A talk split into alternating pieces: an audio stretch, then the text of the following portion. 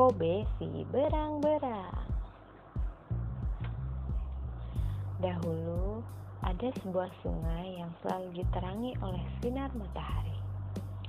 Airnya mengalir jernih dan hembusan anginnya begitu segar. Sungai hijau adalah tempat tinggal para berang-berang. Di pinggir sungai tersedia banyak pohon bagi berang-berang untuk membangun rumah dan makanan lezat yang berlimpah untuk dimakan. Seekor berang-berang kecil bernama Kobe sangat menyukai sungai hijau ini. Tapi bukan hanya para berang-berang yang menyukai sungai hijau. Brung, brung. Manusia datang dengan mobil mereka. Berpiknik, berenang, dan memancing ikan di sana. Tak lama kemudian, sungai itu dipenuhi sampah yang dibuang oleh manusia. Apa ini? Kelihatannya indah sekali. Ah, hati-hati dengan pecahan kaca, kaca itu. Ayahku teriris hingga berdarah karenanya. Aduh, apa ini? Aku tidak bisa berenang karena sesuatu yang menjerat ekorku. Para berang-berang sudah tidak tahan dan mengadakan pertemuan. Ada banyak sampah di mana-mana, bahkan di dalam air. Ayo kita bersihkan sampahnya, atau kita pindah saja ke tempat lain. Kapan kita bisa membersihkan semua sampah ini? Kita pindah saja.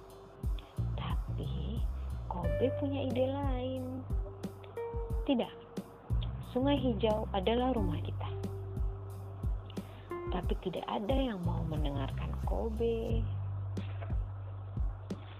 Keesokan harinya, Kobe bangun pagi-pagi dan pergi ke sungai. Dia memunguti sampah-sampah itu dan membuangnya jauh dari sungai hijau. Ketika matahari telah bersinar terang di tengah hari, dan bahkan ketika burung hantu terbang melintas di tengah malam, Kobe masih saja mengumpulkan sampah. Lihat Kobe, dia kotor sekali. Dia juga sangat bau. Teman-temannya berpikir kalau Kobe sangat aneh dan menertawakannya. Sementara berang-berang kecil lainnya menggerogoti kayu untuk membangun rumah, Kobe sibuk membersihkan sampah. Selama berminggu-minggu, para berang-berang dewasa bersiap-siap untuk pindah. Suatu hari, mereka merasakan sesuatu yang berbeda. Lihat, sudah tidak ada banyak sampah. Sungai hijau sudah lebih bersih tapi mereka tetap berkemas dan bersiap-siap untuk pindah. Teman-teman Kobe juga menyadari kalau sungai itu sudah menjadi lebih bersih. Ini semua karena Kobe memunguti sampah dan membuangnya. Ayo kita ikuti dan cari tahu apa yang sedang dia lakukan.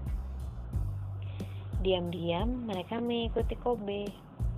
Setelah Kobe tiba di tepi sungai, dia segera pergi ke dalam hutan sambil membawa sampah-sampah itu. Di tengah hutan terdapat tumpukan besar sampah yang dikumpulkan Kobe. Tapi sampah itu sama sekali tidak berbau karena Kobe telah membersihkan dan mengeringkannya. Kobe, hah? Sejak kapan kalian mengikutiku? Apa yang kamu lakukan dengan semua sampah ini? Dengan membersihkan sampah, kalian bisa menyelamatkan sungai dan melakukan sesuatu yang bahkan lebih hebat. Teman-teman Kobe sangat tersentuh. Kami akan membantumu. Kobe memberitahu rencananya pada teman-temannya. Semua berang-berang kecil bekerjasama mengarahkan seluruh kekuatan yang dimiliki untuk mengumpulkan lebih banyak sampah. Kali ini, berang-berang dewasa juga menyadari apa yang dilakukan berang-berang kecil. Sambil mengendap-endap, para berang-berang dewasa mengikuti berang-berang kecil. Tok tok, bang bang.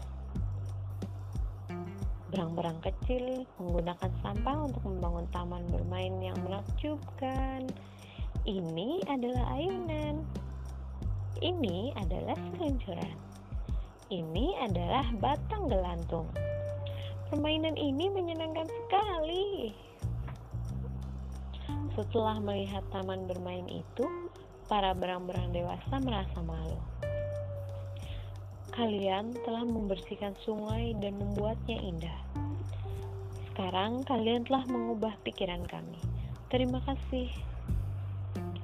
Para berang-berang berjanji tidak akan meninggalkan sungai itu. Kini, sungai hijau memiliki taman bermain yang sangat mengagumkan.